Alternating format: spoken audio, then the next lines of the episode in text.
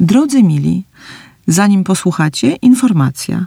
Podcast powstaje także dzięki wsparciu moich patronek i patronów. Może ktoś chciałby dołączyć do tego wspaniałomyślnego grona. Jeśli tak, szukaj mojego nazwiska albo nazwy podcastu na patronite.pl.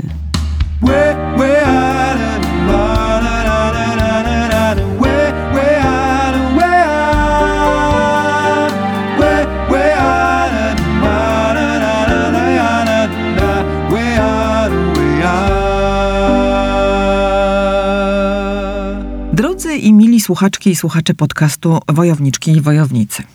Porozmawiamy dziś o tym, że life is freaking amazing, zakładając, że czasem jest dobrze, a czasem nie za bardzo. Moja wojowniczka przedstawia się tak. Jestem pasjonatką życia domowego, która głęboko wierzy, że wygodny i dobrze funkcjonujący dom to klucz do szczęśliwego życia. Coach of Life at Home Design posiada 20-letnie doświadczenie w kreowaniu przestrzeni. Wierzy i praktykuje wschodnie podejście do domowej energetyki. Studiowała i praktykowała starożytną wiedzę o planowaniu przestrzeni Feng Shui. Bo nie mówi się, proszę Państwa, Feng Shui. Serio? A tak myślałam bardzo długo. Jej życie zawodowe to zarządzanie zespołami kreatywnymi w jak najbardziej zachodniej IKEA. Jest certyfikowaną nauczycielką NLP, czyli neurolingwistycznego programowania. Zatem balansuje między kulturami, między Zachodem i Wschodem i intuicyjnie je łączy. Ukończyła też nauczycielski kurs jogi Ayengara. Ciekawie się przeplatają i uzupełniają te metody poznawcze i rozwojowe, tak bym je nazwała, prawda? Kilka lat temu przyjęła propozycję pracy w Szanghaju. W Chinach doświadczyła izolacji podczas stanu epidemii koronawirusa. Teraz mieszka w Tokio, ale tęskni za Szanghajem. Porozmawiamy o tym, jak marzyć, jak spełniać marzenia i jak się urządzać w dalekim, nieznanym, acz pociągającym świecie. Jak stworzyć w nim swój dom, swój mikroświat, swój dom. Witaj, wojowniczko. Dzień dobry, witam. Aga, wszystko zaczyna się w domu. Tak. Znalazłam takie powiedzenie, takie, taki slogan na Twojej stronie internetowej, czy w Twoich mediach społecznościowych, już nie pamiętam. W szerokim czy w wąskim sensie wszystko zaczyna się w domu? Ha, piękne pytanie. Myślę, że w jednym i w drugim. Czyli też może być bardzo szeroko, tak, bardzo, bardzo. Bo jak sobie pomyślałam dzisiaj, zanim przyszłam do ciebie, jaki zrobiłam zwrot, jeżeli chodzi o życie w domu też, zostawiając warszawski, mój piękny domeczek na rzecz, krępie. na rzecz Szanghaju i takiego unknown hmm. życia. Tak. Pomyślałam, że miałam bardzo dużo zaufania, że jednak wykreuję dobre dla siebie też miejsce. W tamtym dalekim tak. świecie. Mhm. I wiesz, co było jeszcze lepsze? Tylko musiałam puścić przywiązanie do tego domu w Warszawie, żeby móc stworzyć dom na świecie. To też musiało być wyzwanie. To żeby puścić, żeby puścić to, co budowałaś, do czego się przywiązywałaś. Tak, latami Nie? się przywiązywałam. Wiesz, miałam dwa tysiące książek w domu. Aha. Przywiązywałam się do każdej z nich. Pewnie nie, nie, nie wszystkie przeczytałam nawet.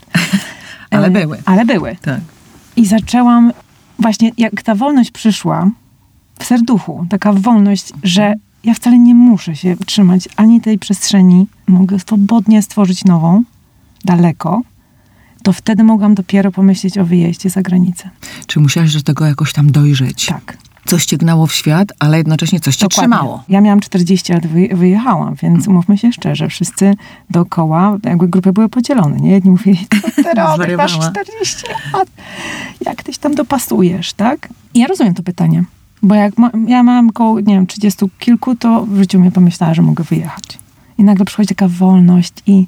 Ale przed tą wolnością przychodzi takie poczucie, że muszę coś zrobić. Tak. Bo mówisz, jak miałaś trzydzieści kilka, to jeszcze tak nie myślałaś. To znaczy, że coś że tam się zadziało tak. takiego. Wiesz, myślałam, że muszę mieć dom, że muszę go urządzić, że muszę go urządzić fajnie. I urządzałam wszystko. Ten mikroświat taki, już mówimy o takim materialnym miejscu, ale też wszystko, co było dookoła. I super mi się to udało. Miałam kochaną Saską Kępę, cudnych przyjaciół, mnóstwo znajomych, mnóstwo activities w Warszawie. Dużo się działo. I potrafiłaś to zostawić. I zostawiłam to i czułam, że mogę. I to było niesamowite, bo przez wiele lat myślałam, że w ogóle to będzie niewykonalne.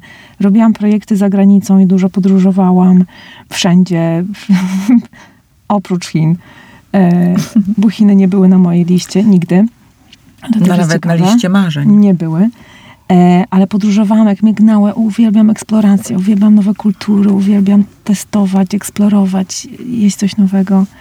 A wtedy pomyślałam, jakby to było, gdybym mogła tak codziennie mieć takie uczucie, że eksploruję, że, że mam wyzwanie, że muszę coś zrobić inaczej, niż nauczyłam się tego w Polsce. I już za, zaczęło mnie to wiesz, inspirować tak wewnętrznie. Mm, sa, sa, samo mm. to. Więc... Zrodziło się i tak, kiełkowało tam, tak, Kierko, tak, kiełkowało. Tak. Słuchaj, no dobrze, dobrze, no ale gdybyś miała tak w czasie określić, jak długo dojrzewałaś do tej decyzji? Yy, czy też to było tak, że takim triggerem była ta propozycja pracy w Szanghaju mm i to ci potem, to, to sprawiło, że przyspieszyło to twoje myślenie o zmianie? Tak, chyba tak. Aha. Tak, bo w, akurat wtedy IKEA w Warszawie następowało dużo zmian.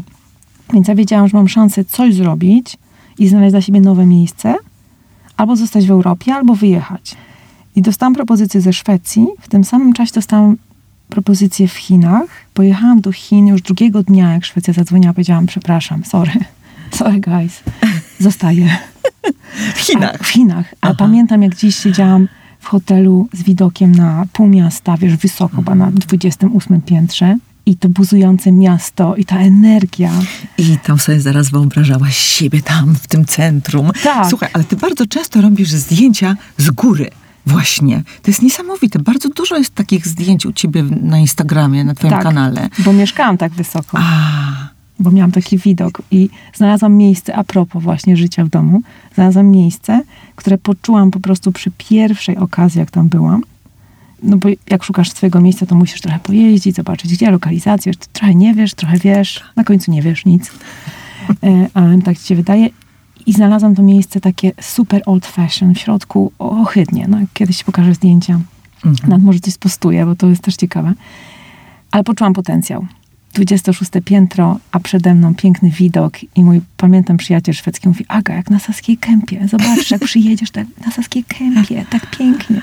Okay. I miał rację. Słuchaj, wiesz co, ja jeszcze cię poindaguję o tę przeprowadzkę, wiesz, o to pakowanie swoich rzeczy, o to pozbywanie się mm. nadmiaru, zanim wyjechałaś do Chin.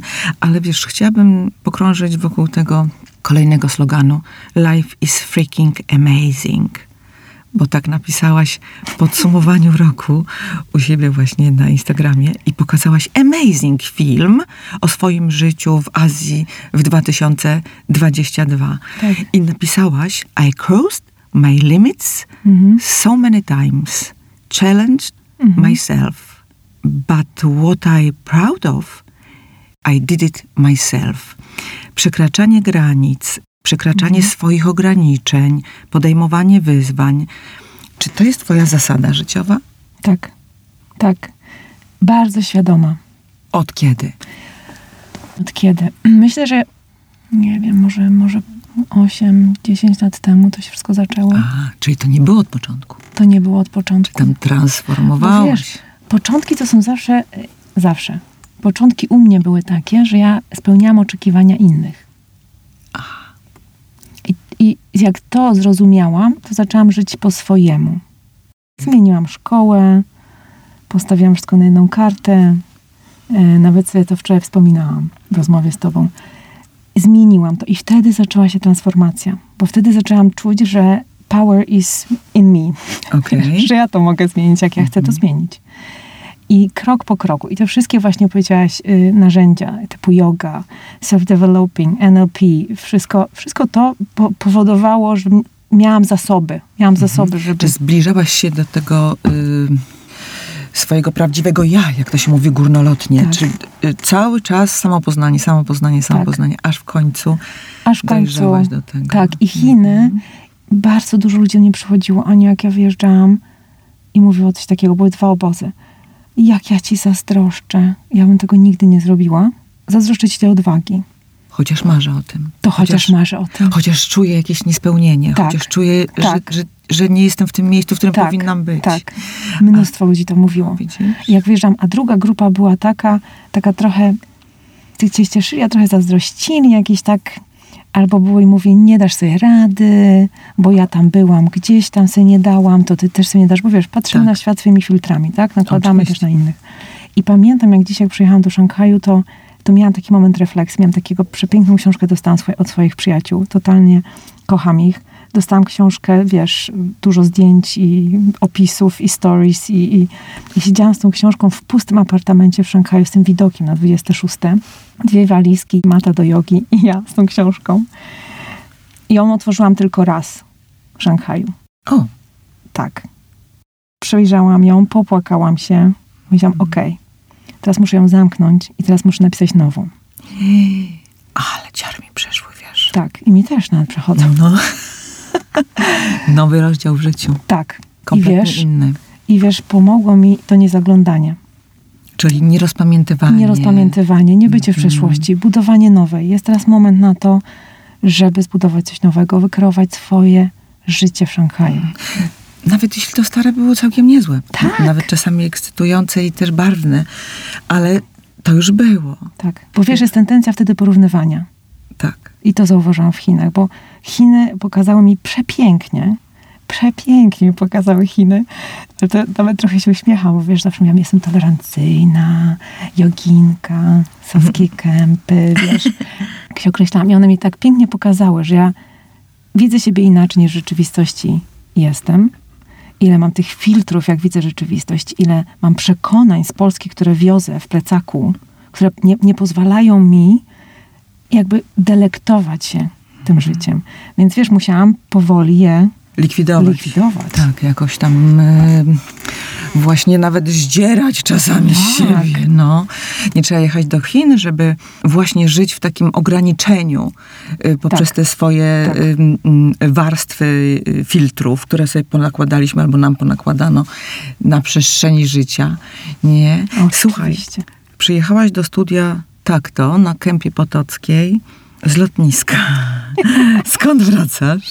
Ze Szwecji wracam. A, Z Kope- tak, leciałam z Kopenhagi. no jak ci tam było w tej Szwecji? Fajnie, fajnie było. Napiłaś się kawy dużo O pewnie. dużo, z 5 litrów kawy dziennie. Naprawdę. Szwecja jest o kawie, o spo, spożywaniu kawy od rana do wieczora. Uzupełniałaś minerały pijąc wodę? Starałam się. A to jest bardzo nie po chińsku, prawda? Ta zimna woda i ta kawa. O, Tak. Naprawdę, moi koledzy z Chin, ja widzę ich twarze i tak ich czuję. Wszystko zimne, jedzenie zimne, śniadanie zimne. A oni na odwrót. A oni na odwrót. Ja już też tak na odwrót mam, wiesz? Tak. Czasem jest tak, że mówię, dobra, to też jest jakieś przekonanie. Dzisiaj mogę zrobić inaczej. I żeby też, wiesz, nie być w takim wewnętrznym niepokoju i napięciu. tak. Że o, Że coś tak źle być. robię. Tak. Ale wiem, że to tak pięknie działa i to podejście chińskie działa i to, ta ciepła woda Dobrze i rzączeczek. O ja. Mhm. Słuchaj, po jakim czasie nieobecności przyjechałaś do Europy? I, I dokąd jutro wracasz? Mm, Ponad dwa lata chyba mnie nie było, wiesz? Mhm, Potem lockdown w Chinach Y, i wracam jutro do Tokio, gdzie teraz mieszkam. Od kiedy jesteś w Tokio? Od y, sierpnia tamtego roku. Końcóweczka. No dobrze, trochę sobie ułożyłyśmy chronologię, tak żeby naszym drogim słuchaczkom i słuchaczom lepiej się słuchało. I wracamy do porzuconego wątku o tym, że kiedyś żyłaś tak, żeby spełniać oczekiwania innych. Bo ty miałaś być prawniczką. Tak, Rodzice tak chcieli, bardzo chcieli. Cała rodzina tak chciała. Mhm. żeby był prawnik w rodzinie, Tak, bo farmaceuci już byli. tak. A mogłam być jeszcze lekarzem. Okej, bo byłaś prymuską w liceum. Bo byłam prymuską. Byłam prymuską, jeszcze szkołę muzyczną robiłam na Wydziale y, pianina. Tak. No i poddałaś się temu. Ania, przyjechałam do Warszawy i poszłam na Wydział Prawa. I studiowałam nawet. Ze stalówki, ze Ze stalowej stalówki, woli. ze Stalowej Woli. Pozdrawiamy wszystkich mieszkańców, ul, y, zaprzyjaźnionych mi, y, mieszkańców albo zaprzyja, przyjaciół rodem ze stalówki. Tak, kocha- kochamy was. Tak. E, ale to są fajne, fajne ludziska. Em, I przyjechałam do Warszawy i poszłam na prawo na Uniwersytet Warszawski. Nawet mieszkałam bliziutko. E, ładnie się ubrałam. Wszyscy się pięknie ubierali. E, zawsze tak elegancko, wiesz, marynarka. No, takie Każdy przeżywał, że jest na tym jak prawie. No i długo to nie potrwało. Znaczy, wiesz, egzaminy były proste, zdawałam te egzaminy i może to mnie właśnie skłoniło, żeby jeszcze przedłużać tą, tą mordęgę tam. Bo tak myślałam sobie, no skoro mi tak dobrze idzie, że w, zaliczam w pierwszym podejściu, gdzie poprawki z logiki, pamiętam, mieli i wszyscy tak straszyli, że logika, wiesz, zdawałam. Ale tak miałam na to, nie chcę powiedzieć potocznie, ale miałam do tego stosunek opór. ambiwalentny. Aha. Ale opór zapewne. E, I pomyślałam sobie, dobrze, zmieniam. Zmieniam. To nie było łatwe, żeby tutaj wszyscy mnie dobrze zrozumieli. To było trudne. Wyobrażam było sobie. Bardzo A co trudne. było najtrudniejsze? Powiedzieć rodzicom? Och, tak. Ja się bardzo męczyłam i, i mentalnie się męczyłam też, bo wiesz, ambitna. Chciałam tak pokazać rodzicom, że ja tak mogę, jak oni by chcieli, a wewnętrznie czułam, że nie. I naprawdę miałam. Bulimia się jeszcze pojawiła wtedy, która jest potężną chorobą. Jeszcze wtedy Potężną, nikt nie tak. wiedział. Em, więc wiesz, ja walczyłam o siebie. Pojechałam, pamiętam, do, do, do Hiszpanii, do Marpei. Ojej, moi rodzice nawet nie wiedzą. Powiedziałam, że jestem na Mazurach. A pojechałam do Marpei znaleźć szkołę artystyczną, o której przeczytałam wcześniej. Znalazłam szkołę, znalazłam super fajnych ludzi, ale wiedziałam, że to nie jest to. Chciałam do Warszawy. nawet chciałaś do Hiszpanii. Tak, bo trochę chciałam uciec, Tam, tam trochę studiować. wiesz. A, Tak. okej. I to było też ciekawe, bo tak było tak trochę potajemnie, znaczy trochę. I wróciłam do Warszawy i się okazało, że jest pierwsza w Warszawie, pierwszy rok testowy na Wydziale Architektury Wnętrz, wieczorowy, który dawałby mi możliwość uczyć się, tak, i, I pracować. pracować. Zarabiać na Bo życie. wiedziałam, że moi rodzice powiedzą, hej, no, jak nie tak, to sobie sama radź, nie? No właśnie, kurczę. No Przypomina mi się film, który obejrzałam kilka dni temu. Fabelmanowie. Świetny film. No, Świetny film, też musiał walczyć o siebie ten dokładnie. Steven Spielberg. Tak, tak. No. Więc ja miałam podobnie, może nie byłam Spielbergiem, ale, ale miałam podobną historię i, i, i, i wtedy to był pierwszy moment właśnie. Dla siebie żyję, czy dla innych? Ale jeszcze chcę raz podkreślić, to przychodzi w bardzo dużym stresie mentalnym. No bo całe Walko- życie każdy ci mówi, że masz tak, jak społeczeństwo, rodzice wymagają od ciebie, wiesz, i nagle czujesz w serduchu, że to nie to, to nie jest takie proste. Nawet ciało boli, co? Wszystko boli. No bo właśnie wspomniałaś o tej bulimii, No także to musiało mieć związek. Absolutnie. No. No. i wtedy, jak już postanowiłam, że to zrobię, znalazłam pracę w hotelu. To było bardzo śmieszne, bo awansowałam tam dosyć szybko, więc y, robiłam studia, awansowałam w tej pracy, stworzyłam super fantastyczny team, pracowałam z fantastycznymi babeczkami. No, naprawdę to było, wiesz, y, ktoś mi zaufał, nie miałam żadnego doświadczenia, ba- bardziej się kierowałam intuicją. Zaliczyłam e, egzaminy i skończyłam z wyróżnieniem. Na koniec końców skończyłam z wyróżnieniem, słuchaj. I dzwonisz do rodziców? Dzwonię do rodziców i płaczę Aha. jak dziecko w przedszkolu. Mhm. Zanoszę się płaczem, już takie... To było, ja, ja nie zapomnę tego nigdy. Moja babcia myślała w ogóle, że mnie, że mnie wyrzucili Ty- szkoły. Tak. Ja nie mogę jej powiedzieć, że Ja słuchaj, zdała mi to z wyróżnieniem. Widzisz, musiało cię to bardzo dużo kosztować. Tak, Ogromny wysiłek. tak. Ile Czułam, że mi puściło, wiesz, puściło. Dziewczynka Aż, 20 lat tak, i tak. zaczęłaś po prostu Tak, jedno i drugie. Zaczęłam No. i wiesz, studiowałam to prawo, e, później musiałam przejść na inne studia, które były dłuższe, to już zaczęłam być, wiesz, rocznikowo dalej, już pracowałam, więc to już też miałam inne odpowiedzialności, miałam swój team. To już nie jest takie, wiesz, przychodzisz i wychodzisz. Tak. Słuchaj, wiesz co, ale musisz teraz opowiedzieć, jak znalazłaś się w Ikei. No, to też była ciekawa Bo ja znam tę historia. historię, ale uwielbiam też tego słuchać. No bo, żeby było jasne dla wszystkich, ja wierzę, że kreujemy swoje życie sami i jest tak, jak chcemy, żeby było. Tak? Czyli wymyślisz sobie coś w życiu, wierzysz, że to masz, albo to już jest, albo to będzie i to się dzieje. Naprawdę? Ja wtedy pamiętam, tak, ja wtedy pamiętam, że już był moment, w którym wiedziałam, że w fotelarstwie, tam gdzie byłam, doszłam do pewnego etapu, skończyłam z wyróżnieniem szkołę i mówię, no dobra, artystyczna szkoła, to miało być tylko na moment studiów. Już byłam wysokim menadżerem tam, więc to było, ale, ale czułam wewnętrznie, że, że, że jeżeli chcę zawalczyć znowu o siebie, albo wrócić do tego, co, co chciałabym robić, to muszę wrócić do tego artystycznego korzenia.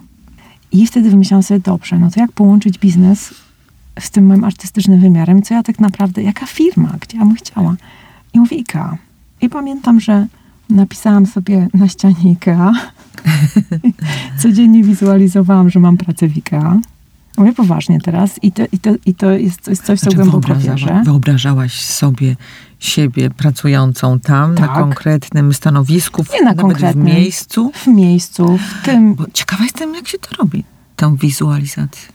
bo widzisz, to są wszystkie techniki NLP, które wspomniałaś. Okej. Programowanie twojej głowy. I to jest coś, co jak już zrozumiałam, oczywiście to nie było tak, że zrozumiałam to 100% wtedy, ale już wtedy zaczęłam dużo czytać na ten temat, zaczęłam się tym interesować. Teraz, po już zrobiłam mastera w NLP, więc już dużo więcej wiem. Także wykorzystuję te techniki do poprawienia sobie, wiesz, do, do poprawienia komfortu życia. I pamiętam wtedy właśnie na, na, napisałam albo przykleiłam naklejkę IKEA i mówię, dobrze, to znajdę rozwiązanie, jak znaleźć tą pracę. Nie było żadnych rekrutacji online, sprawdzałam. I słuchaj, napisałam do szefa IKEA. A w Polsce? Tak. Ale oczywiście szef IKEA na LinkedInie. No bo LinkedIn jest źródłem właśnie, jest, jest świetnym też kolejnym zasobem, który możemy wykorzystywać, tak? No i oczywiście, słuchaj, wierzyłam, że on mnie gdzieś tam wyśle do HR-ów. E, Nie kontaktował się mną bezpośrednio oczywiście, tak? E, Zresztą wspaniały, e, wspaniały facet. I, e, I mnie odesłał właśnie do HR-ów, więc Mhm. już zaczęłam tą swoją podróż, wiesz, od takiego pierwszego momentu, że okej, sprawdzali, spotykali się ze mną chyba 6 Mhm. miesięcy w O. różnych okolicznościach, jeździłam do różnych sklepów. E, I słuchaj, to było to piękne, bo IKEA jest taka, wiesz, casual, nie? My jesteśmy, nie Tacy mamy, zwyczajni. tak, my jesteśmy zwyczajni, Bez a ja tych- pamiętam w szpilkach, wpadłam do sklepu, jak mnie zobaczyli. Aga, w szpilkach nie wyobrażam sobie. Prawda? No. Ja już też nie. I pamiętam, Jezu, jak mi się wszystko podobało. Kocham tych ludzi, wartości, która firma niesie. Cały czas wierzę w to, co, co robimy. Ale podobali mi się przede wszystkim ludzie, no otwartość, Mhm. wiesz. I nie mówię, że każdy jest, wiecie, tylko, tylko dobry, tak? Jakby, żeby była jasność, bo to jest jakby zbiór pewnych Cech. cech. Natomiast pamiętam, że byłam tak zachwycona, dostałam pracę w Poznaniu, także już zaczęłam podróże swoje, Tak. zaczęłam jeździć. I pamiętam, że byłam tak zachwycona, że przez pierwsze trzy miesiące moi znajomi powiedzieli, słuchaj, dajemy ci jeszcze tydzień, musisz skończyć opowiadać o IKEA, ponieważ wyłączymy telefony. Bo mamy pokokardy. Dokładnie, tylko karty, bo ja byłam zachwycona. I to, wiesz, jakby wykrowałam też swoją, swoją przyszłość sama. I, No. I znowu nikt mi nie pomógł. Jakby, jakby, co chcę powiedzieć, universe, wszechświat ci sprzyja, jak wiesz, co chcesz. Dokładnie. I tak Ale wiesz jest. co? Zastanawiam się, co ty napisałaś temu szefowi polskiej IKEA, że jednak prze, sforwardował e, ten list do tego HR-u. Wiesz, co nie pamiętam, co napisałam, ale pamiętam jedną rozmowę z nim, no bo w końcu, wiesz, szesnaste spotkanie, dotarłam Do niego. do niego i mówią, masz tutaj poważną rozmowę. Ej, nie wiem, co napisałam, ale pamiętam, jak już rozmawialiśmy. I on mnie zapytał, masz jakieś pytania? A ja mówię, tak. Wyciągnęłam kartkę A4, a tam było 15 pytań.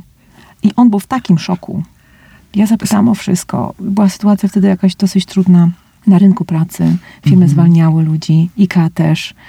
Zadałam bardzo dużo niewygodnych pytań. I ja myślę, że tym w ogóle go zaskoczyłam tak, Widzisz? że to, to, to po minie było widać.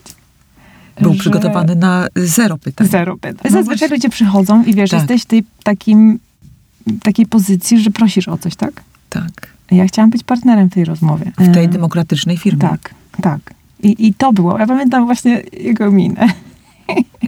Fajnie. No, No i słuchaj, no spędziłaś w, w Polsce, w IKEA, dobrych kilka lat tak, i wyjeżdżasz do tych Chin, tak, do tych swoich już teraz Chin. tak. Jak wyglądało pakowanie? Wiesz, że ja się martwiłam o ciebie. Ja mówię, Boże, jak ona spakuje ten swój cudowny mm, dom, to swoje Mhm. urocze mieszkanie. I słyszałam tylko co jakiś czas, a Agnieszka oddała to, oddała tamto. Mhm. No i właściwie wylądowała tam z jakimś totalnym minimum wszystkiego. Totalne minimum, Ania, to No. też, co to znaczy totalne minimum? Bo chcę powiedzieć, że zminimalizowałam, owszem, Mhm. oddawałam bardzo dużo rzeczy, ale przyjechałam z kontenerem. A jednak. I myślę, że miałam dużo więcej rzeczy niż niektóre z moich bliskich osób, z którymi pracowałam. Ale co chcę powiedzieć, te, taki reset, tego, znaczy reset to może nie, ale takie wiesz, posprzątanie też tego, co masz w domu, ale dobrze działa na psychikę. No to było cudne. To jest czyszczenie czyszczenie, emocji też. Uwolnienie. Uwolnienie, tak. Ale wiesz, ile rzeczy. I tak mówisz, nie oddam, nie oddam tego szaliczka. A kiedy go nosiłam? No 10 lat temu. No oczywiście, to jest takie... No, Ja, się- dostałam termofor. Do, dostałaś termofor. Czerwony, nie, różowy z czerwonym Tak. serduszkiem. Więc rozdawałam dużo rzeczy, ale miałam z tego naprawdę radość i fan. I to było pierwszy raz. Teraz jak wyjeżdżałam z Chin, też musiałam to zrobić, bo jechałam do Japonii, jeszcze mniejsze miejsce. Tam też dużo rzeczy, wiesz, nabyłam, Tak. takich chińskich, typowo chińskich. Więc też Na przykład musiałam dywan. oddać. Na przykład dywan, tak. Ale co chcę powiedzieć, przez cztery miesiące pierwsze, jak przyjechałam do Chin, naprawdę nie wiedziałam, co się dzieje, ale byłam w podróży non-stop. I przez cztery miesiące nie wypakowałam nic kontenera, czyli kontener na mnie czekał. Ja mieszkam na dwóch walizkach i z tomatą do joki.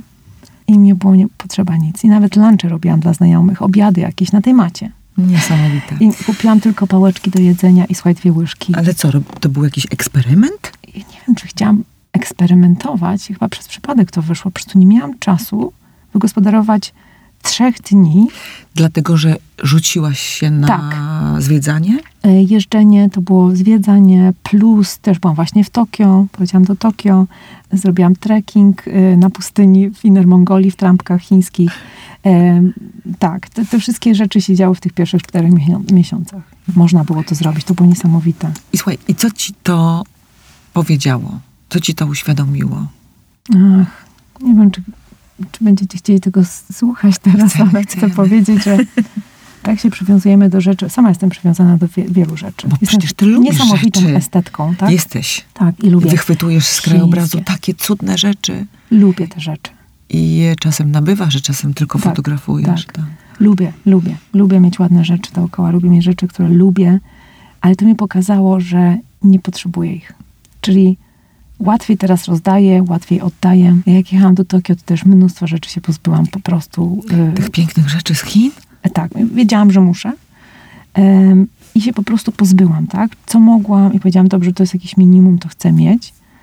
Ale pomyślałam, że już nie jestem aż tak przywiązana, jak było to kiedyś. A potem uwiłaś swoje chińskie gniazdo, Tak. w którym zamieszkiwałaś dwa i pół roku all together. Trzy i pół, no właśnie z przerwą na europejskie y, covidowe zamieszki, Mhm. czy zamieszanie, może tak, no to rzeczywiście tam trzy, trzy i pół minus osiem, osiem miesięcy. będąc Bo to było tak, że pojechałaś na wakacje po kilku miesiącach pracy w Chinach, pojechałaś na wakacje do Tajlandii, Mhm. stamtąd do Polski w odwiedziny Mhm. i tu już w tej Polsce utknęłaś, ponieważ Tak. zaczął się stan pandemii w Chinach i y, firma stwierdziła, zostajesz na miejscu, nie jedziesz. Tak, wiesz co, inaczej trochę było, bo ja Mhm. rzeczywiście pojechałam z Tajlandii, ale musiałam pojechać z Tajlandii do domu, ponieważ firma zdecydowała, że ekspaci opuszczą Chiny. Wiesz, to było wszystko nowe, nikt nie wiedział o co chodzi. To była gruba sprawa, więc No, zdecydowanie. telefon gruba sprawa, tak. dostałam w Chiang Mai, gdzie medytowałam w piżamie. Dostałam telefon, że trzeba się pakować i nie będę już wracać przez Szanghaj albo do Szanghaju, ani przez Szanghaj, tylko w tych klapkach, japonkach wracam w zimę do Polski. Na Saską Kępę, Na Saską gdzie Kępę. y, twoje mieszkanko jest już wynajęte. Już wynajęte, dokładnie. No i jak się z tym czułaś? Na początku, na początku jest trochę strachu, bo nie wiesz, ale no wiesz, wracasz też do swojego domu. No ale później z tą pandemią to już było trochę tak zaczęło być niewygodnie, nie? Mhm. No najpierw mówiłam, że jestem z Chin, no bo ludzie pytają też, widzą mnie, mam kupę znajomych, nie? To wiedzą. Najpierw mówiłam, że jestem z Chin, ale później zaczęło się już robić dosyć gorąco, nie? Później mówiłam, że z USA jednak, że pracuję w USA. A później już przestałam mówić cokolwiek, tylko po prostu, tak jak każdy inny, byłam w domu Tak. ze swoimi przyjaciółmi, z siostrą. No i utknęłaś tutaj aż I do września. utknęłam. I utknęłam. Dziewięć razy zmieniałam miejsce zamieszkania. Moje, moje Och. cudowne przyjaciółki, siostra naprawdę wspierali. y, No ale w pewnym I momencie, tak. ale w pewnym momencie czujesz, że już nie możesz u kogoś Mhm. mieszkać. Czyli co, zatęskniłaś za tymi Chinami? Zatęskniłam za Chinami, ale zatęskniłam też, żeby po prostu mieszkać sama siebie. u siebie, Mhm. żeby mieć taki mały, wiesz, komfort zone. Wróciłaś. Tak. To był 2020 rok, jesień. Tak. A kiedy zaczęła się ta izolacja w Szanghaju? I to był kolejny już rok. Bo, Mhm. bo to było dosyć ciekawe, że cała Europa była w takim trochę rozkroku, jak ja wracałam. I to był moment, w którym Chiny otworzyły granice, bo dlatego tyle czasu to wszystko trwało, że Chiny zamknęły granice w pewnym momencie, tak? Najpierw Polska zamknęła, nie mogłam wylecieć i to była taka, słuchaj, chyba konkretnie trzy dni pomiędzy, gdzie nie mogliśmy wylecieć, nie mogliśmy skorzystać z tej dziury w czasoprzestrzeni Mhm. i musiałam zostać do września.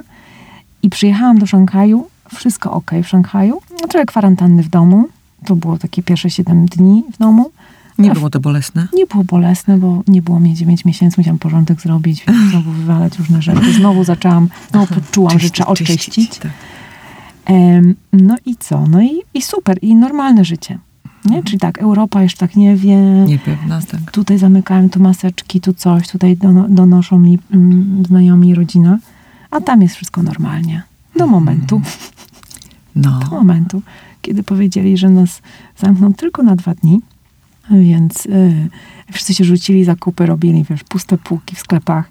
To było dosyć scary, takie przerażające, taki, wiesz, taka, zaczynasz się bać, bo jesteś nie w swoim kraju też. No tak. I ja pamiętam cudowni nie wiesz, czy Chińczycy. Tak. Cudowni Chińczycy, nauczycielka tradycyjnej e, medycyny chińskiej. Bo oczywiście Jaka musiałaś cudowna. mieć taką, Tak, bo jak miałam. żeby inaczej. Miałam, miałam też Tak.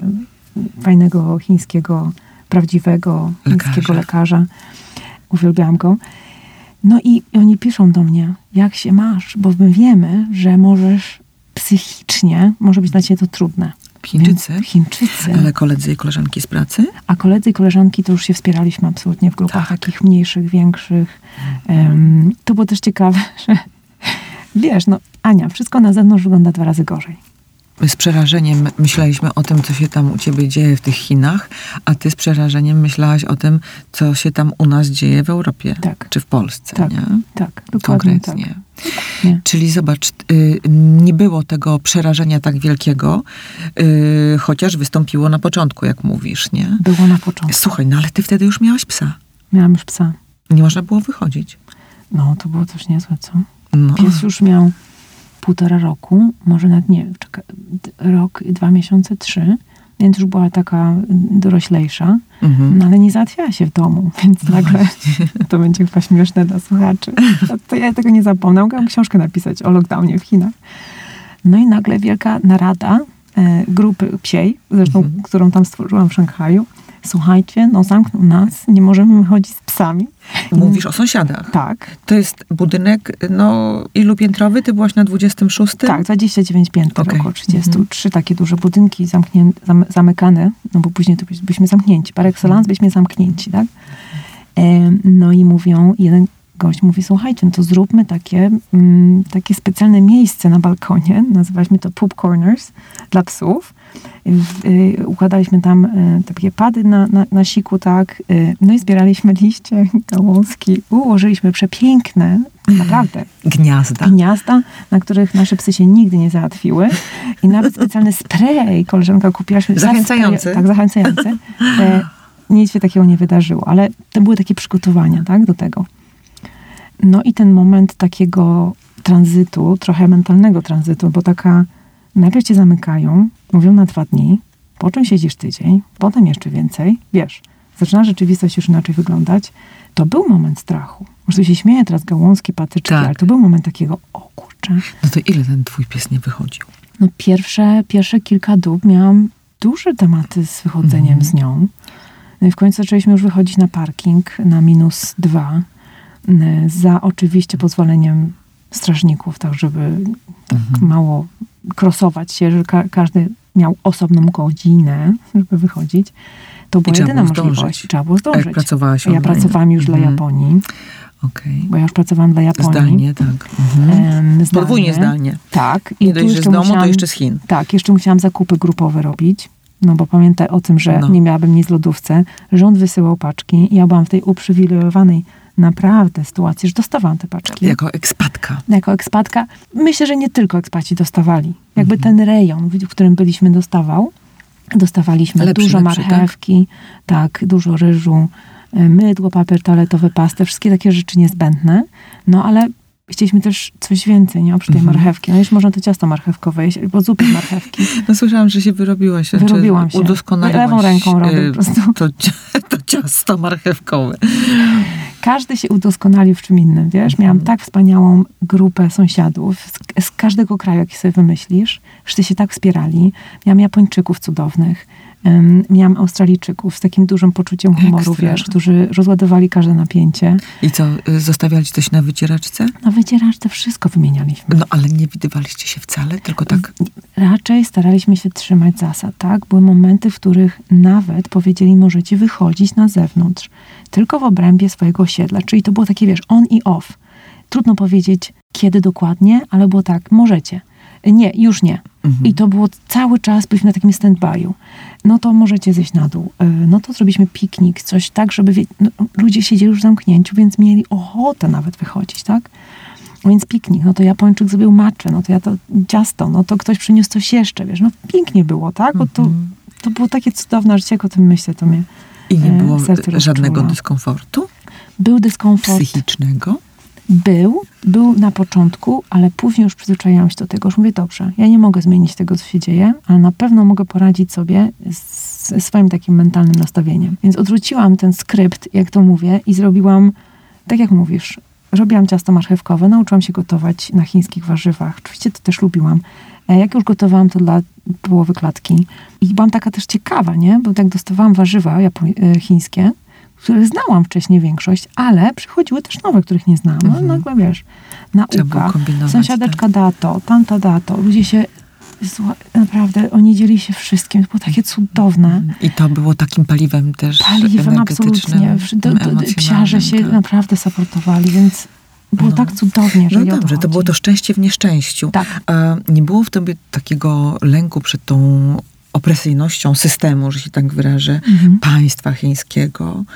No przecież y, z tego słyną Chiny, nie? że Mhm. tam średnio z tą wolnością osobistą. Tak, tak. I czy to ciebie jakoś dotykało? Jeśli tak, to jak cię dotykało? Jak sobie z tym radziłaś? Mhm. Super pytanie, bo mnie dotykało. Oczywiście, że mnie dotykało. Mm, Wyszłam z kawą na taras i widzę drona przed sobą, który krzyczy po chińsku, żeby zostać w domu.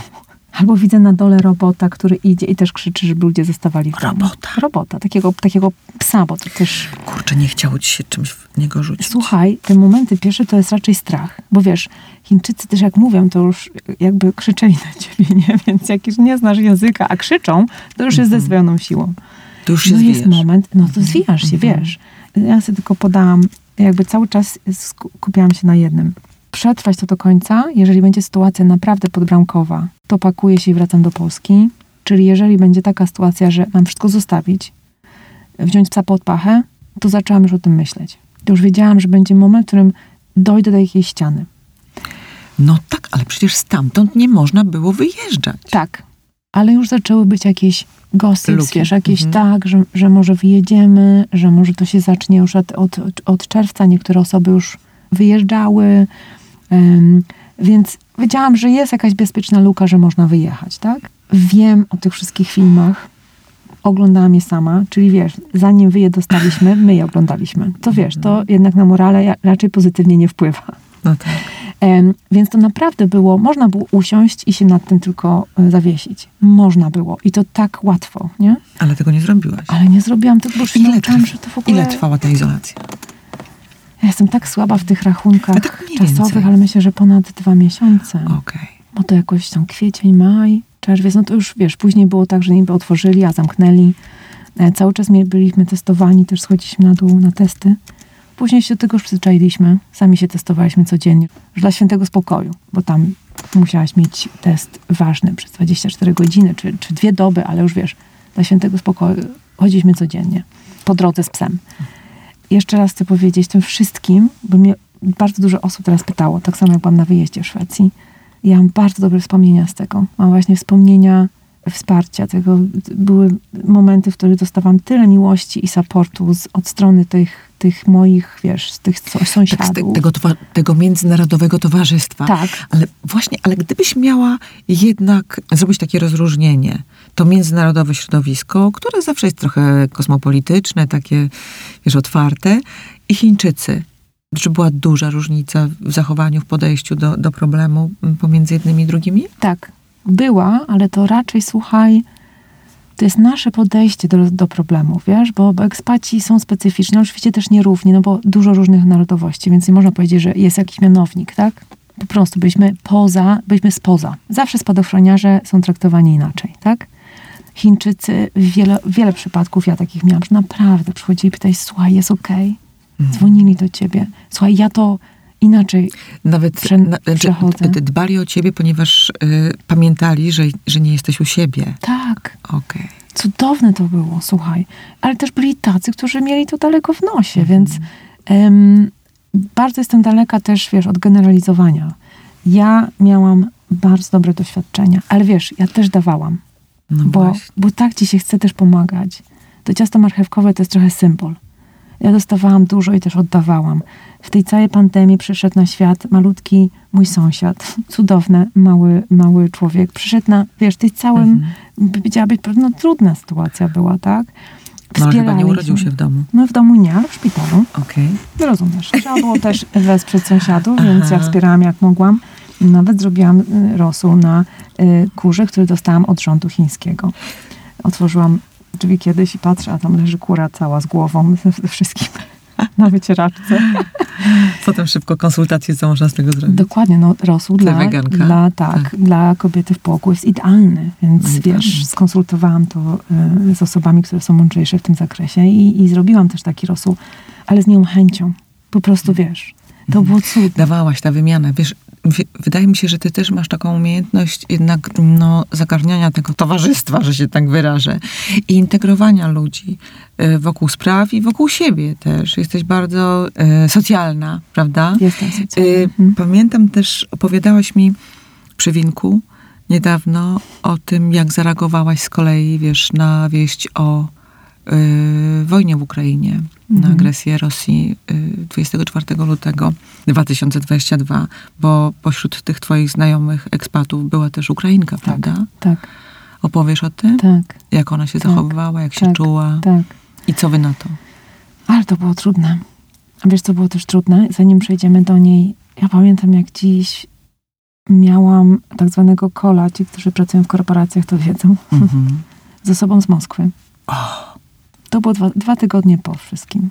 I wiesz, że zastanawiałam się, kto siada do tego kola. A po mojej stronie. Czy siada buddysta, czy siada Polak.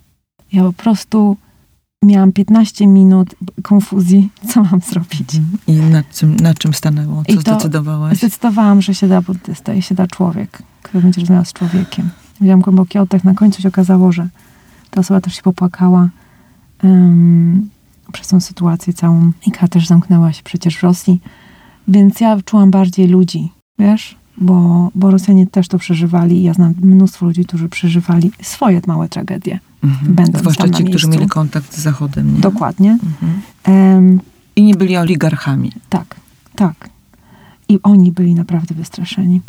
Więc to było pierwsze zetknięcie. Nadal, wiesz, to tak jak wy o tym lockdownie, tak ja czytając newsy, to, to wiesz, ja nie wiem, ja się dowiaduję, muszę wiedzieć, nagrywam, powiedz mi coś więcej, tak jakbym potrzebowała jakiejś więcej informacji, czy wszyscy są bezpieczni. To było trudne. Miałam koleżankę Ukrainkę, mm, nasze, nasze psy się kumplowały, którą, słuchaj, którą wiedziałam, że jest, wiesz, po pierwsze lockdown, druga rzecz, sama, rodzina jej, słuchaj, właśnie w tych rejonach największego y, piekła. I pamiętam, nie byłyśmy blisko. Pochodziłyśmy na spacery z psami. To sobie, wiesz, to jest takie pitolenie y, na spacerze, mm. wiesz, o tym, o tamtym, jak życie i y, fajna też babka, więc inspirująca, zawsze taki, taki small talk. I słuchaj, jadę na rowerze, widzę, że idzie. Wróciłam i krzyczę do niej. I ona udała najpierw, że mnie nie widzi. Ja zaparkowałam rower, pobiegłam do niej i ją przytuliłam, nie? Mhm. Zaczęłyśmy płakać obie. No nie wiedziała, jak ty zareagujesz. Tak. tak. Mhm. Nie wiedziała, czego się spodziewać. Tak, a ja też nie wiedziałam. Wiesz, ja po mhm. prostu tylko sercem myślę, co no. ja jej no. mogę dać? Niewiele. Albo aż tyle. Nie? Albo aż tyle. To było dla mnie też bardzo duże, że mogłam ją przytulić. No oczywiście płakałyśmy obie. I też sytuacja, wiesz, ona poza krajem, w Chinach, to wszystko było bardzo trudne straszna odległość, nie? Wyobraźnia pracuje. Tak.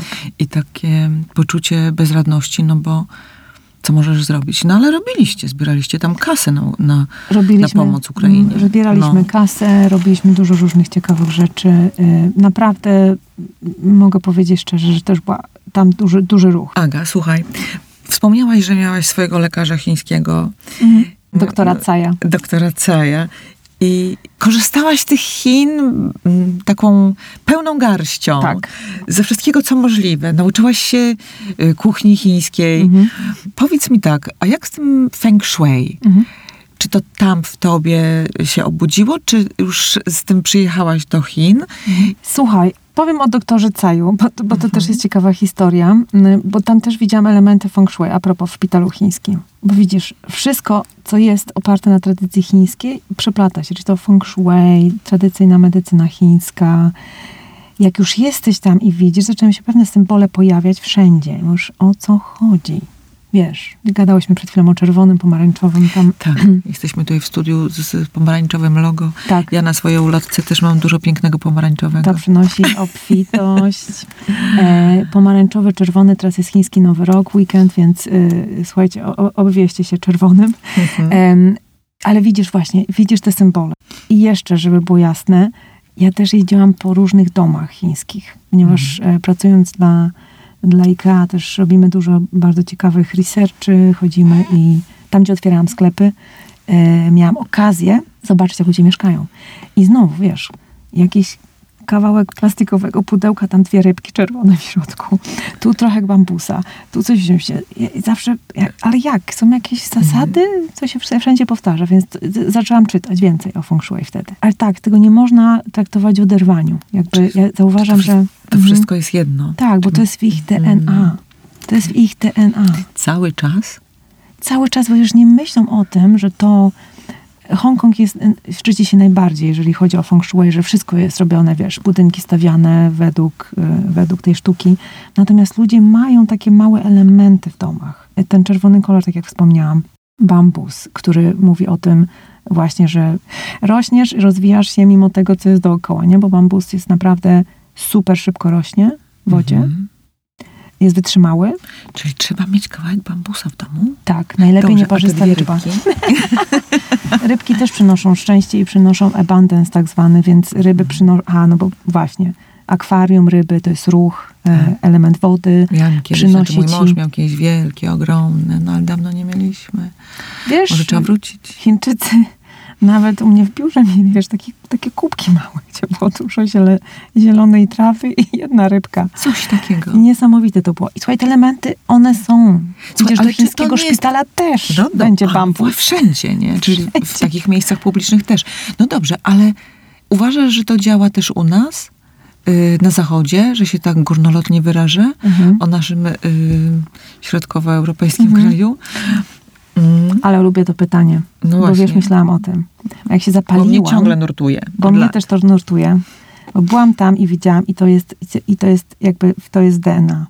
Cała sztuka feng shui jest tak skomplikowana, że ludzie, którzy praktykują na co dzień, a musisz mieć specjalne też egzaminy, musisz zdać i tak dalej, bo wiesz, to jest też dużo wyliczania, obliczania, więc ja znam ten pierwszy rozdział, tak? Który jest fascynujący i magiczny. Później wchodzisz dalej i już, już wchodzisz jeszcze w kolejne meandry i zaawansowany, wa- zaawansowany stopień. I ja jak, wiesz, byłam na tym pierwszym, to myślę sobie, kurczę, no jeżeli, jeżeli pokazują jakieś symbole chińskie mówią to też chce zawieść ten chiński symbol obfitością, są pieniążki, tam jest dużo różnych czerwonych takich, wiesz, splotów, ale my nie mamy żadnych konotacji. Właśnie. Przecież to wszystko też jest tak, że to idzie z tą energią mentalną, tego przyciągania, Musi że być jeżeli ta wierzysz, energia mentalna. tak. Więc ja Mhm. zaczęłam praktykować to tak, że jakby zamieniłam na te europejskie odpowiedniki, tak? E, Jeżeli mamy, bo tam też jest ciekawe, że mm, pamiętam koleżanki Chinki, której poszłam, e, dwie, dwie kaczki, bo kaczka to jest, e, szczególnie właśnie w parach, to jest taki, wiesz, to jest dobry związek, przyciągasz dobry związek, albo jak jesteś w związku, długoletni związek, ale to jest właśnie symbol dwóch kaczek. No wiesz, dla mnie kaczka nic nie oznacza. Wiesz, okej. więc miałyśmy dużo rozmów na ten temat też, że, że to są No widzisz, symbole, które są wiesz, Widzisz, czyli skórne, to nie? jest taka dziedzina, którą się studiuje też całe życie. Całe życie, ale są ludzie fantastyczni Mhm. też w Polsce, którzy to robią Mhm. i, i też dużo o tym czytałam, bo też pomyślałam sobie, a fajnie było, żebym była takim, wiesz, konkretnym, Specem. Ale jednak to nie jest dla mnie. Nie. Ja lubię łączyć, wiesz. Łączysz i to ja może porozmawiajmy jeszcze trochę o tym, że, że łączysz intuicyjnie, fantastycznie łączysz kulturę zachodnią z wschodnią, wschodnią z zachodnią. Również y, mówiąc albo coachując jako y, coach, y, designer, architekt wnętrz, mówisz o energetyce domu. Przecież my tutaj rzadko kiedy mówimy o energetyce domu. Tak. Co mówisz przede wszystkim, Aga? Co byś powiedziała profanom, czyli takim ludziom, którzy nigdy nie mówią o energetyce domu? Mhm. Zastanawiałam się, jakich słów używać, jak się do ludzi o tym mówi. Bo z jednej strony feng shui jest właśnie o energetyce też, o tym przepływie chi, czyli tej sile sprawczej wszystkiego. Um, możemy ją nazwać praną, możemy nazwać chi, ale to jest właśnie ten life force. I wiesz, jak mówisz o feng shui, no to magię możesz przełożyć trochę na właśnie te obliczenia, na wchodzenie bardziej w astrologię i tak dalej, i tak dalej. No i to kwestia wierzysz albo nie. A ja zauważyłam coś innego i to też jest w Japonii. To jest pewnie zarządzanie energią w domu. Ja zawsze miałam takie poczucie, nawet jak projektowałam ludziom domy, że czasem chcemy zrobić sobie dom albo kuchnię nową, która wydaje nam się będzie odpowiadała na nasze potrzeby, bo prawie tam jesteśmy. Już no, po, dobrze, powiedzmy sobie, jesteśmy, e, odpowiadamy na potrzeby, a się okazuje, że to nie jest nasze, że to nie działa. Ile tego jest? No nie? Tak. I wiesz, Ale ja nie dajemy sobie czasami design. prawa tak. do tego, żeby zrobić coś po swojemu. Tak. I później mówisz, ja chcę tak jak w El Decoration, ja chcę taką kuchnię i masz taką kuchnię, a później się okazuje, że to wcale nie jest to. Czujesz się tym obco. Właśnie. I ja zauważyłam, że mało wiemy o tym, czego potrzebujemy energetycznie. I się otworzyło takie pole możliwości, um, zaczynając od yin yang, czyli wiesz, od tej całej filozofii właśnie, że wszystko jest zmienne, po pierwsze, po drugie przychodzi na, na zasadzie tych e, przeciwności, ale jest jednym. No więc zaczęłam przekładać to i to wszystko, czego się nauczyłam, właśnie trochę w tej, w tej, na tą melodię, wiesz, tego feng shui energetyki. Ale to zaczęłam testować w Szanghaju. Jak zaczęłam urządzać to swoje mieszkanie, i wprowadzać te elementy, mówić, ok, jak tu coś nie działa, ja czuję, że to jest nie ok, ja znajdę sposób na to, żeby było ok. I to są proste rzeczy, małe rzeczy też, nie? Bo... Bardzo jestem tego ciekawa, wiesz? Jak tym małym ruchem, małą rzeczą możesz odmienić swoją przestrzeń życiową. Aniu, powiem ci przepiękny przykład jak przyjechałam do Polski, już trochę wiedziałam o feng shui, więc jak byłam w Polsce, a propos COVID-u, tak, bo, mhm. przyjechałam w tych klapkach, e, no to naprawdę sporo osób Zachodziłaś mnie... też o Podlasie. O Podlasie, a to co cudowne. I jak, akurat jak byłam, to wiele osób mnie pytało, słuchaj, pomożesz, przyjdziesz, coś popatrzysz, skonsultujesz? E, o kurczę, i to mi otworzyło oczy. E, konsultowałam tyle, ile wiedziałam o feng shui, ale teraz już wiem, że wiem więcej w ogóle o naturze domu i, i rzeczy w domu. Chcę wychodzić poza ramy tego, bo ja nie jestem masterem feng shui i tego jakby nie robię, nie wyliczam. I, natomiast pewną filozofię, absolutnie w pewną filozofię wierzę i ją wprowadzam. Ale co za, zauważyłam? Te małe ruchy. Te małe, małe ruchy. Tak. Słuchaj, jak mamy słabszy czas, powiedzmy jest taka, taki okres w życiu, czasem jest tak. No wiadomo, tak. że że jesteś w takim polu energetycznym w dole. Po prostu. Tak jest. I przychodziłam do ludzi i od razu wiedziałam, że tak jest. Że jest depresja, że jest jakaś choroba. I po czym to poznawałaś? Po tym poznawałam, co jest na ścianach, jakie są obrazy na ścianach, e, co trzymają w kątach, bo to bardzo często jest też, że e, masz już naprawdę, e, nie masz żadnego zainteresowania w oczyszczaniu przestrzeni, więc im większy dom, tym więcej takich właśnie rzeczy bo tobie się wydaje, że masz przestrzeń. Mówisz, o, te magazyny to, to leżą od 15 lat. No to jest właśnie o tym wszystkim, mówimy o tym stagnant chi. Okay. nie? Czyli wtedy wystarczy posprzątać te kąty? Oczyścić, zaaranżować dobrze, funkcjonalnie, bo ja w to wierzę absolutnie jako podstawę. Nie możesz mieć dobrego feng shui, jak funkcji nie masz dobrej, nie? Um, co masz na ścianach? Ludzie czasem mają rzeczy, które myślą, to jest świetny obraz, zapłacimy za to dużo kasy. On jest tak deprymujący i depresyjny, mhm. a przy okazji masz jeszcze depresję. No to, to ja zadaję pytanie, co ci poprawia humor, jak stajesz rano? to, czy coś innego, gdyś miała na ścianie. Takie, proste, takie proste rzeczy, A takie nie? trudne, no. Nie dajemy sobie prawa nawet do czegoś takiego jak urządzenie własnego domu, własnej przestrzeni. To w ogóle jakaś komedia, wiesz, I jak się jest, zastanowić, a jest to tak, powszechne. Ale to jest energia, Ania. No Ta właśnie. energia, czyli wszystko, czym się otaczasz, ma energię. I teraz No ty właśnie. musisz z tym rezonować pozytywnie, bo jak rozumiem, my wszyscy chcemy mieć więcej dobrej energii. nie? Tak, to nie może być konflikt, nie? Dokładnie, a mamy dużo rzeczy w konflikcie. Aga, słuchaj, a jak ty masz taki dół? No bo na pewno miałeś te doły na przestrzeni ostatnich lat, bo jednak no to, to niesamowite Oczywiście, tak. wyzwanie pojechać na koniec świata i stworzyć sobie tam właśnie dom. Najpierw w Mhm. Szanghaju, a potem w Tokio. Tokio to świeża sprawa, ale już też dało ci trochę popalić, prawda? tak. Więc jak ty właśnie jesteś w tej swojej przestrzeni, bywa, że nie wiem, zakopiesz się pod kocem i nie wychodzisz przez cały dzień. No i jak się ratujesz w takiej sytuacji? Mhm. Znając te swoje wszystkie e, arkany sztuk, Sztuczki, arkana sztuczki. sztuki, e, feng shui albo sztuczki. Tak. Sztuczki. Trochę Mhm. sztuczek znam. Em, robię dużo różnych rzeczy, wiesz? Bo ja trochę też korzystam z, z jogi. Trochę korzystam właśnie z tradycyjnej medycyny chińskiej. Ale na pewno korzystam też z takiej wiedzy, jak światło potrafi, y, wiesz, fajnie się energetyzować. Bo naprawdę mamy bardzo małą wiedzę na ten temat, wiesz? Jadę do Szwecji, gadałyśmy w tak, Szwecji. nie? ciemno. Ale jasno, w domach, jasno. Ja, w Oni domach potrafią sobie to urządzić. Pięknie, Właśnie. tak za, światłem, że ja się najwięcej od nich nauczyłam o świetle. Wtedy zaczęłam najwięcej y, myśleć o tym, jak my żyjemy czasem takim, wiesz, no mamy światło, ale nie wiemy no, Ale po co. No właśnie, nie wiemy po Tak. co i w jakich okolicznościach powinniśmy mieć, jak można pięknie zaaranżować sobie tą przestrzeń, tak? Mhm. I słuchaj, Tokio, oczywiście, bo ja teraz już mieszkam w bardzo fajnym miejscu, już, już coraz bardziej się tam czuję dobrze i zaaranżowałam. E, coraz fajniej czuję też energię tego miejsca. Natomiast pamiętaj też, że ja mieszkałam w, w COVID-zie w Polsce w dziewięciu różnych miejscach i Mhm. też musiałam właśnie tą dobrą energię sobie jakoś wyrobić, tak? Organizować, Tak, więc generować. Tak. Wtedy też, Mhm. e, jak już jeździłam na te konsultacje, pomagałam e, różnym przyjaciołom i, i to sobie zdałam sprawę, że wiem coraz więcej. Po prostu. Że to wiesz, to w tej, tej trudnej sytuacji też znalazłam, a ja bardzo się lubię uczyć. Wyzwanie, tak. Kolejny, Tak. kolejny challenge. Wtedy się dowiedziałam, okej, to co ja, czego ja potrzebuję? Jeżeli twoja energia jest spadkowa, jest właśnie albo taka bardziej wycofana jest yin, a potrzebujesz Yang. pracować, a Tak. potrzebujesz yang, no to przecież nie położysz się na, na, sof- na łóżku i nie będziesz pracować. Przecież łóżko Mhm. jest absolutnie energią yin.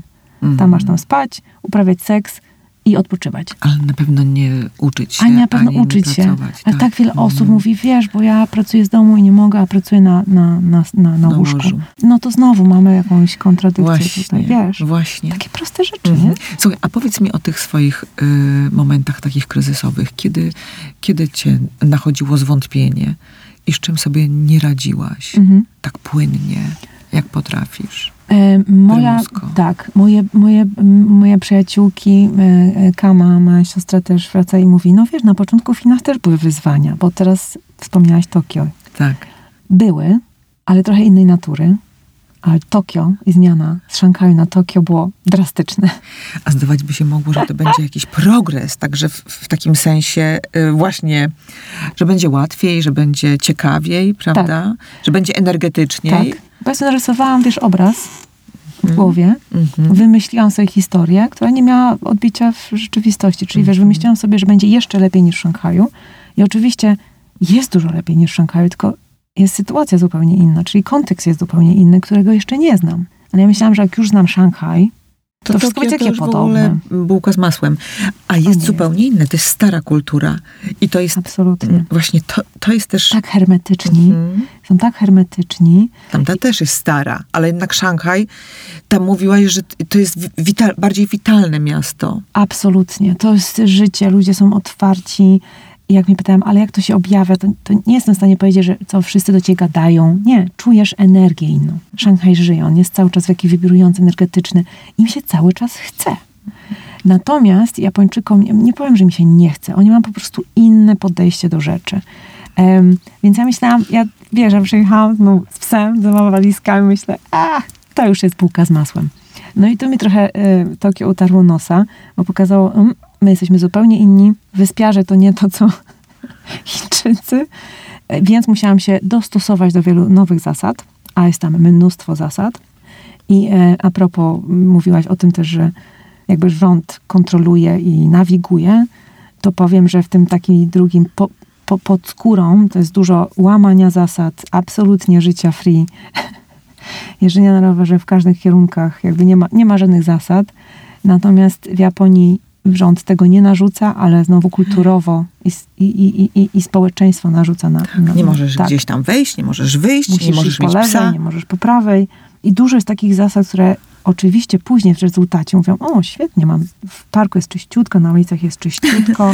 Wiesz, to idzie z pewnym zachowaniem, Sama które na mówiłaś, że już początku biegasz z, z, ze Sama- szczotką i z miotką. Oczywiście, sama już sprzątam, a na początku myślałam, ja... W miejscach publicznych. Tak. A tutaj śmiecie zostawili. Myślę sobie, po pierwsze pomyślałam, o, jednak hu- humans, nie? Aha. A później sprzątam też. Bo mi zależy, żeby było też czysto. Mhm. Ale Mam przyjedziesz do takie zachowanie. taka sprzątająca. Słuchaj, i cały czas się też kłaniam i przepraszam. Aha. Ale słuchaj, ale jak ci udało z psem? Bo podobno był problem y, do tego stopnia Mhm. wielki, że mogło się skończyć przywiezieniem psa do Polski. Tak, tak. Był moment, w którym zastanawiałam się naprawdę grubo, czy, czy damy radę we dwie w Tokio, bo, bo, Bo to ona. bo to jest ona, tak. Um, kumpli miała swoich, em, całą grupę psiarzy, miałam też tam, wiesz, wsparcie jest o, olbrzymie. Ludzie mają podobne podejście do psów. W Japonii jest trochę inne i tego musiałam się nauczyć. I później pomyślałam, Boże, jak ten pies tej Japonii będzie, jak my tutaj tyle zakazów, nakazów, ja nie wiem, czy... No i oczywiście to też jest moja nauka i to wspominałam przy winku. Jak kurczę, my nadajemy już jakąś, albo już piszemy historię, nie wiedząc w ogóle, co się wydarzy, ale już na, na zaś. Wiesz, z jakiegoś przekonania, które masz e, wcześniej. Tak.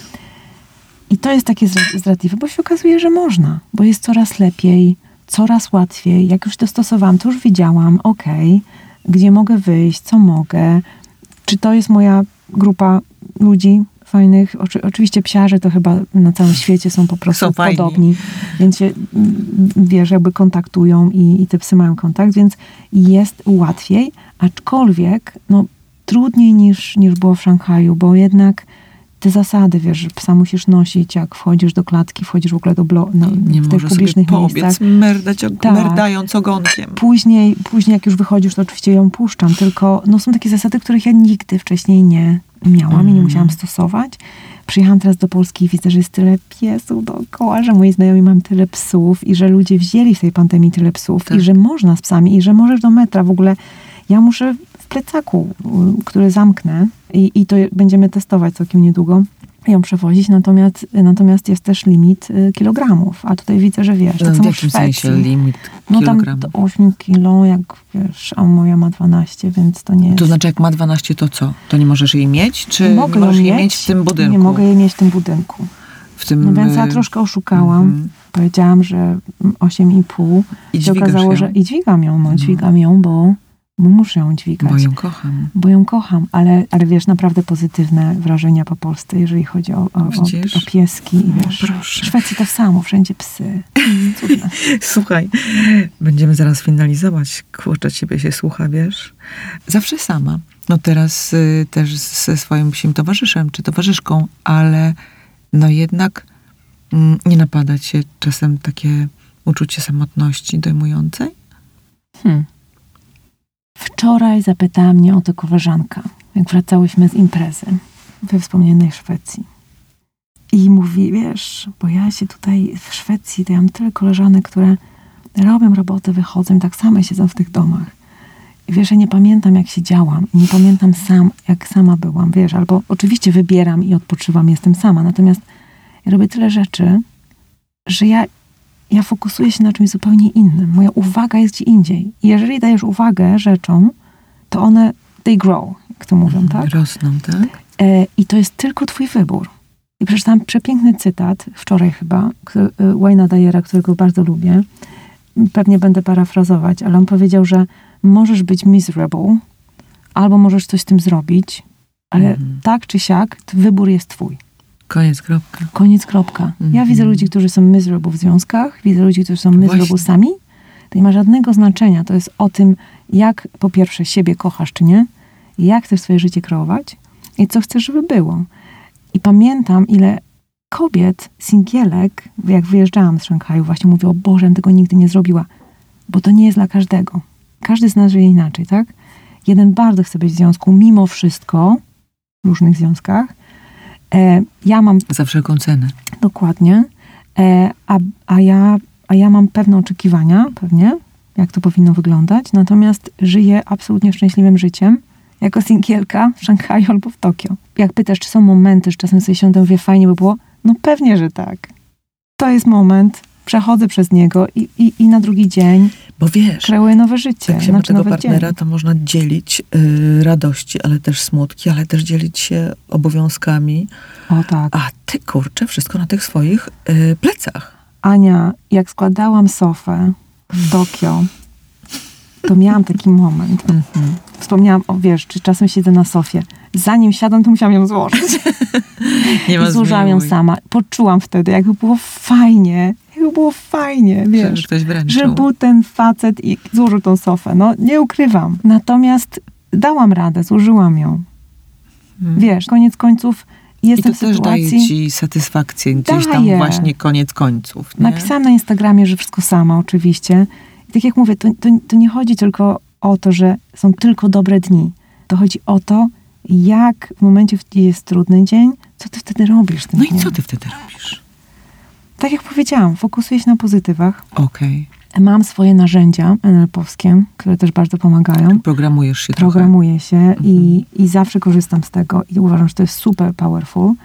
Jak był moment trudny w Tokio, no to, to absolutnie wyciągnęłam rękę, tak jak ktoś do mnie też przychodził w Szanghaju, bo ja też to jakby coachowałam w Szanghaju i też y, pomagałam innym.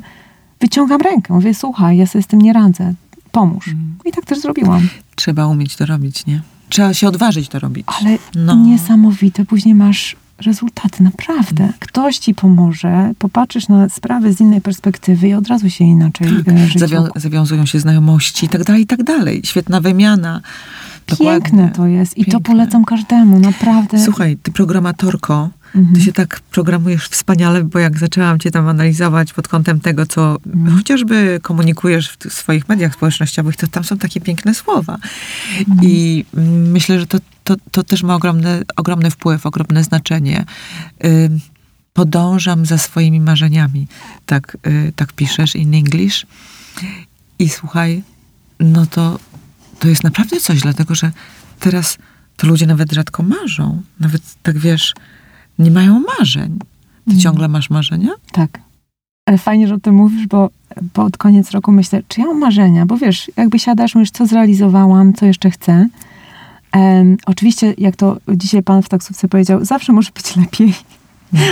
Natomiast y, tu chodzi też o to, jakie doświadczenia chcesz jeszcze mieć w życiu, tak? Bo tym, moim zdaniem, moje marzenia, tak? em, one się właśnie wiążą z pewnymi doświadczeniami. Ale jak ty powiedziałaś, podążać za, za marzeniami, to spojrzałam na twój tatuaż. Słuchaj, mam Aha. nadgarsku tatuaż Masz. z swoją przyjaciółką, zrobiłam w Nowym Mhm. Jorku. Tatuaż, poszłyśmy do takiego tatuażysty i, i no to był taki deal miałyśmy ze sobą. Pozdrawiam cię, Asiu, kochanie moje. I to mnie zobowiązuje. Możesz tutaj przeczytać, kochana. Follow your dreams. Słuchaj, trochę naiwne, ale po prostu jak, jak Mhm. zapominasz, to można To sobie przypomnisz, nie? Masz to przed nosem. Tak. I bardzo wierzę, że mogę powiedzieć ten dowcip o, o tym ym, garniturze źle skrojonym na koniec, Powiadaj. bo, bo wierzę, że to się też jakoś z tym wiąże. Ym, przychodzi facet do krawca, który szyje mu garnitur, już ten garnitur uszyty, zakłada i kurczę, widzi, tu podciąga, tu poła gdzieś za krótka, tutaj coś nie działa tak. Mówi, panie, coś pan tutaj zrobił. Jak pan troszeczkę się wygnie w prawo, troszeczkę podkuli nogę, troszeczkę zawinie kastek, jak ulał. Wychodzi od tego krawca, tak pogarbiony, mija dwie osoby, jedna mówi do drugiej, zobacz, jaki biedny, niepełnosprawny. A druga osoba mówi, ale za to garnitur dobrze skrojony. To ja nam życzę wszystkim, żebyśmy się nie dopasowali do garnituru, Aha. Tylko szyli garnitur taki, jaki chcemy. Na swoją miarę. Na swoją miarę. I to było moje życzenie w tym roku w Polsce. Życzyłam, żeby każdy miał dobrze skrojony garnitur i nie dopasowywał się głupio, tylko po to, wiesz, to, żeby się Żeby dopasować. zawo- albo żeby kogoś zadowolić, Tak. nie? albo żeby się komuś spodobać. No to dokąd jutro lecisz? Do Tokio. Tokio, tak. Tak. Stęskniłaś się trochę? Bardzo, bardzo.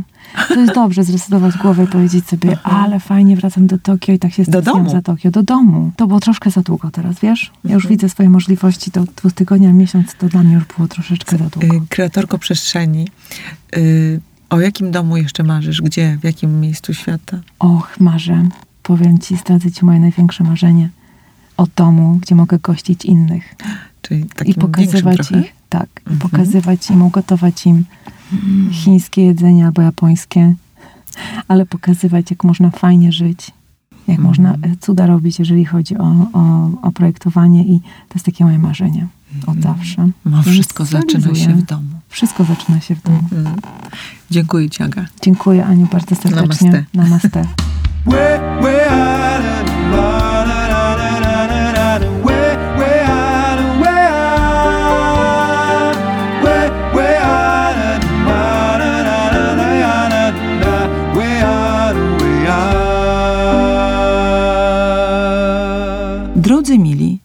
Podcast powstaje także dzięki wsparciu moich patronek i patronów. Może ktoś chciałby dołączyć do tego wspaniałomyślnego grona.